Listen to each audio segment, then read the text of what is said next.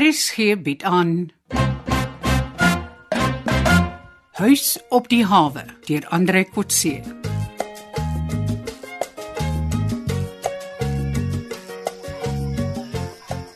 Ah, dankie Boelie dat jy my hiernatoe gebring het.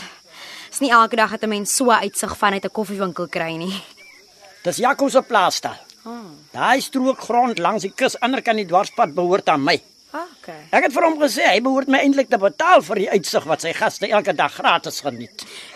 Ek het nie geweet mens betaal vir 'n uitsig ook nie. Hm. Dan moet vliegtuigkaartjies by die venster duurder wees as die by die sitplek langs die paadjie. Tanya wanneer hy so by hawe vryfie uitsig so in dat haar ontvangslerk elke keer as mens by die voordeur inkom moet luister na daai resitasie. Goeiemôre. Welkom by die huis op die hawe.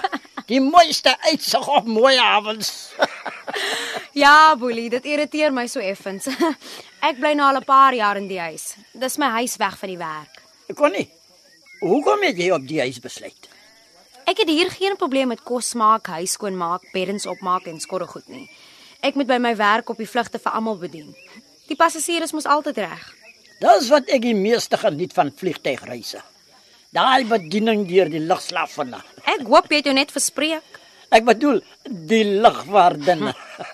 ek geniet dit so as julle feministe so lig geraak. is. Ons is net gestel op ons regte boelie. Connie, jy het my nou al vertel wat dink die ander gaste by die huis op die hawe van die plek. Hmm? Maar ek het nog nie jou eie opinie van die huis gekry nie. Wel, ek kla nie oor die diens nie, die akkommodasie of die prys nie. Mm. Al wat my plaas, die geskinder tussen en oor die gaste. En wat van die personeel? Ek weet nie of hulle die skuld moet kry nie. Die ontvangsdame is so vriendelik. Ek hoor hoe almal met haar geselsies aankrap. Dit mag dalk nie die wortel van al die kwaad wees. Jy weet mos vriendelike mense is maar geneig om oor enigiets of enigiemand te gesels. En die eienares, Tanya? Snaaks, die grootste skending van my privaatheid het ek eergister vaar van Tanya self. Hoe so? Sy het die keuse van my vriende openlik bevraagteken. As jy na my verwys kan ek dit baie goed glo. Ons is nie op vriendelike voet nie. Wel dit behoort nie saak te maak nie. Ek het haar kwaadlik geneem dat sy openlik met my oor my vriende praat.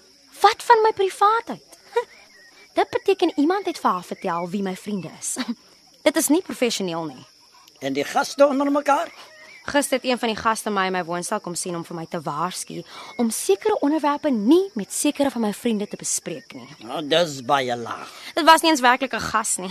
Sy snip van 'n niggie van Tanya Rina. Die student, Hm, einste. sy is eintlik nie 'n ware gas nie. Sy is aan Tannie se witbroodjie.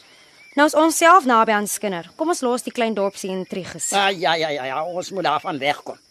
Dis my hele stryd oor die huis op die hawe. Wat 'n stryd. Die atmosfeer van die huis is die van 'n plattelandse losieshuis waar mense oor kleinlikhede mm. en die klein wêreldjies van jou medegaste gesels. Einste. Dit moet jou as wêreldburger seker baie pla. Jy's nie. Onthou, ek kyk elke dag vas in passasiers. Mense wat net in hulle eie gerief en behoeftes aan spasies belangstel. O, oh, ek verstaan. Ek het jous besluit om op mooi hawens te kom bly tussen my vlugte. 'n mm, Bietjie ruimte te ervaar, maar ook om mense te ontmoet wat in my as individu belangstel. Maar Oh, Dan het jy na die regte plek gekom. Want ek stel intens belang in jou en jou fyn waarnemingsvermoë. Jy help my baie met my projek Wat se projek? om die huis op die hawe te omskep in 'n kompleks waar meer mense meer keuses het om die voordele van die mooi hawe te geniet. Wel dit, Boelie, klink nou na 'n edele doel waarmee ek graag sal wil help.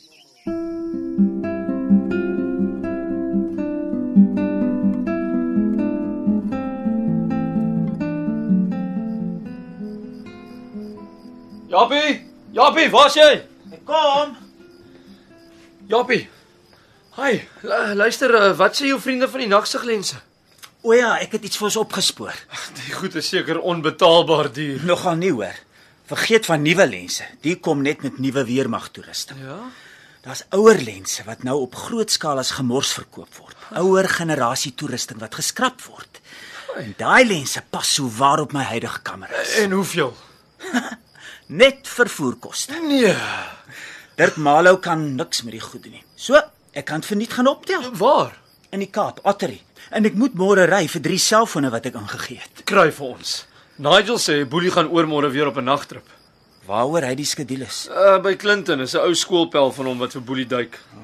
Ek hoop Nigel vra sy vrae op 'n diskrete manier. Nee, man, Nigel is 'n natural. Suiker kan nie in sy mond smelt nie. Wel, ek's môre aan terug. Gaan my môre nag om die lense te pas. Thanks. Ons moet uitvind wat boelie in die nag op die see doen.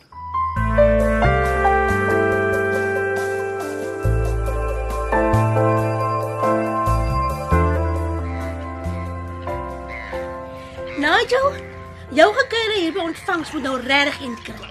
Hoekom? Ek gaan my job verloor.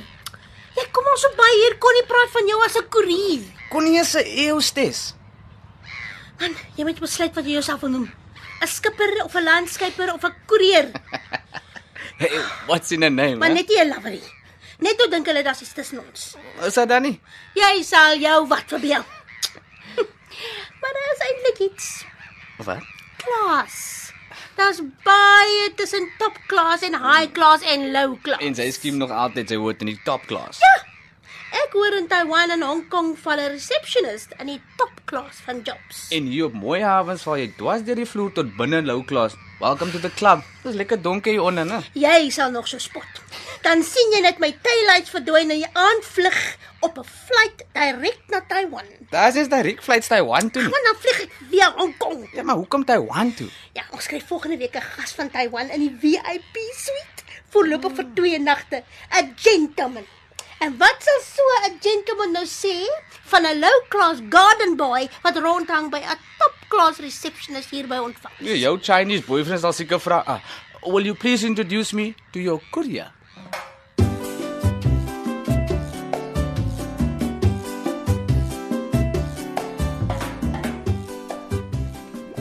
Hey, Anton is seker 'n jaar laas dat ek in die nag op see was. Ja, dis jou eie skuld, broer.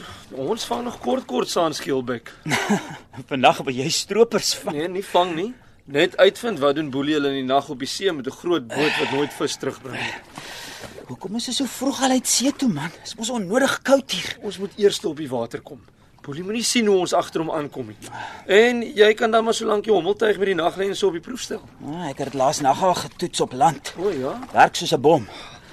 Nee, wat ons spaar maar eerder brandstof. Die tuig se houtheid in die lug is ons grootste probleem as die Night Rider begin om diepsee toe te vaar. Dit gaan nogal snaaks voel.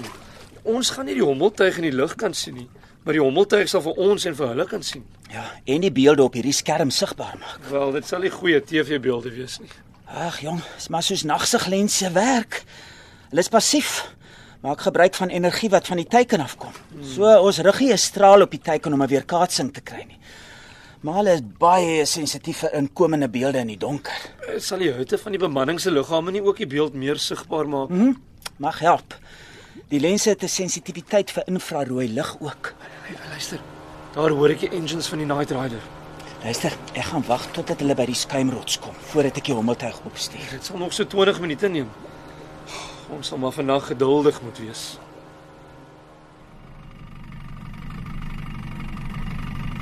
Kan ek maar die tuig nou opstuur? Ja, wat? Hulle sal hom nie daar by die skuimrots hoor nie.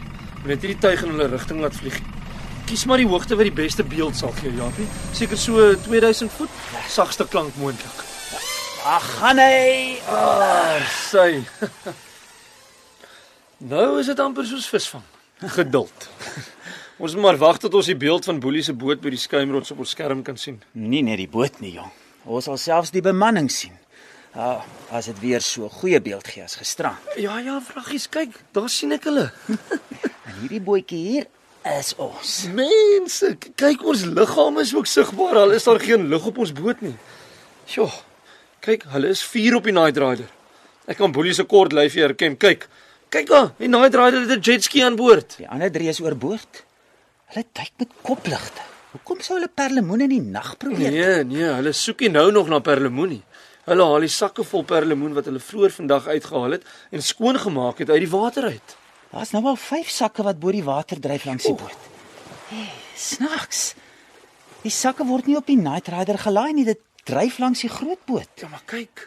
Daar laai hulle die jetski uit die Night Rider uit tot in die water. Die sakke word met toue aan die jetski vasgemaak. Dis die belangrikste bewyse, Japie. Neem die stelsel hierdie beeldmateriaal af, Japie. Natuurlik. Ons gaan dit nodig kry. Maar nou vir die miljoen rand vraag. Waarheen vaar hulle nou?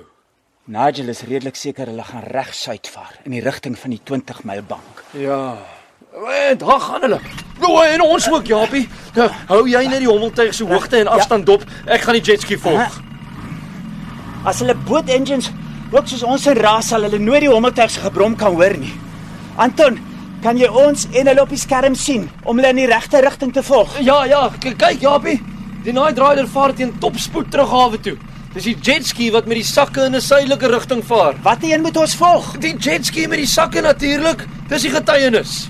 Was hy blink goed wat soos balle lyk? Daar tussen die jetski en die sakke in die water? O, eh, dit is seker helium boeie, sulke silwer ballonne.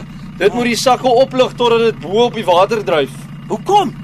Dit lig die sakke uit die water en dit maak die waterweerstand baie minder Ah. en die gewig. Ja, maak sin. Ek het nie geweet jy ken jou fisika so goed nie. Ja, dit is nogal maklik om in kontak met hulle te bly, Japie. Kyk, ek hou net ons spoed so vinnig soos hulle sin en sorg net dat ek hulle nie per ongeluk inhaal nie. Luister, ek gaan nie die beeld alles opneem en vas lê nie. Hoekom?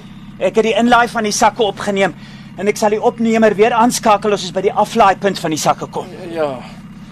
Japie, ek ek dink die bestemming is 'n groter boot. Sekere vistreiler. As die trailer se radar aangeskakel is, kan hulle dalk die blou blits optel. En dan is daar moeilikheid. Ek sal maar op 'n groter afstand agtervolg. Ja, dit sal reg wees. Die hommeltuig kan vermyle ver voor ons sien. Sodra ons videomateriaal van die oorlaai van die sakke gekry het, kan ons maar omdraai en die hommeltuig laat terugvlieg na sy pappa toe. Daar is net twee moontlike probleme, Japie. Die hommeltuig het 'n beperkte houtyd. Aha. Kan ons hom uh, hervul as ons hom terugbring na die blou blits toe? Ja, is geen probleem nie. Hy is so slim, hy kry self sy pappa. Wat is die ander probleem? Brandstof. Die blou blits self het ook 'n ryk afstand. As ons nie nou gou by die bestemming van die sakke uitkom nie, sal ons moet terugdraai hawe toe sonder die beeldmateriaal wat ons soek. Dit sal jammer wees. Die hele nag se moeite verniet. En nou, wat maak so? Ah, dis die hommeltuig wat vir ons sê dat sy brandstof opraak en hy moet dadelik huis toe kom, anders gaan ons hom verloor.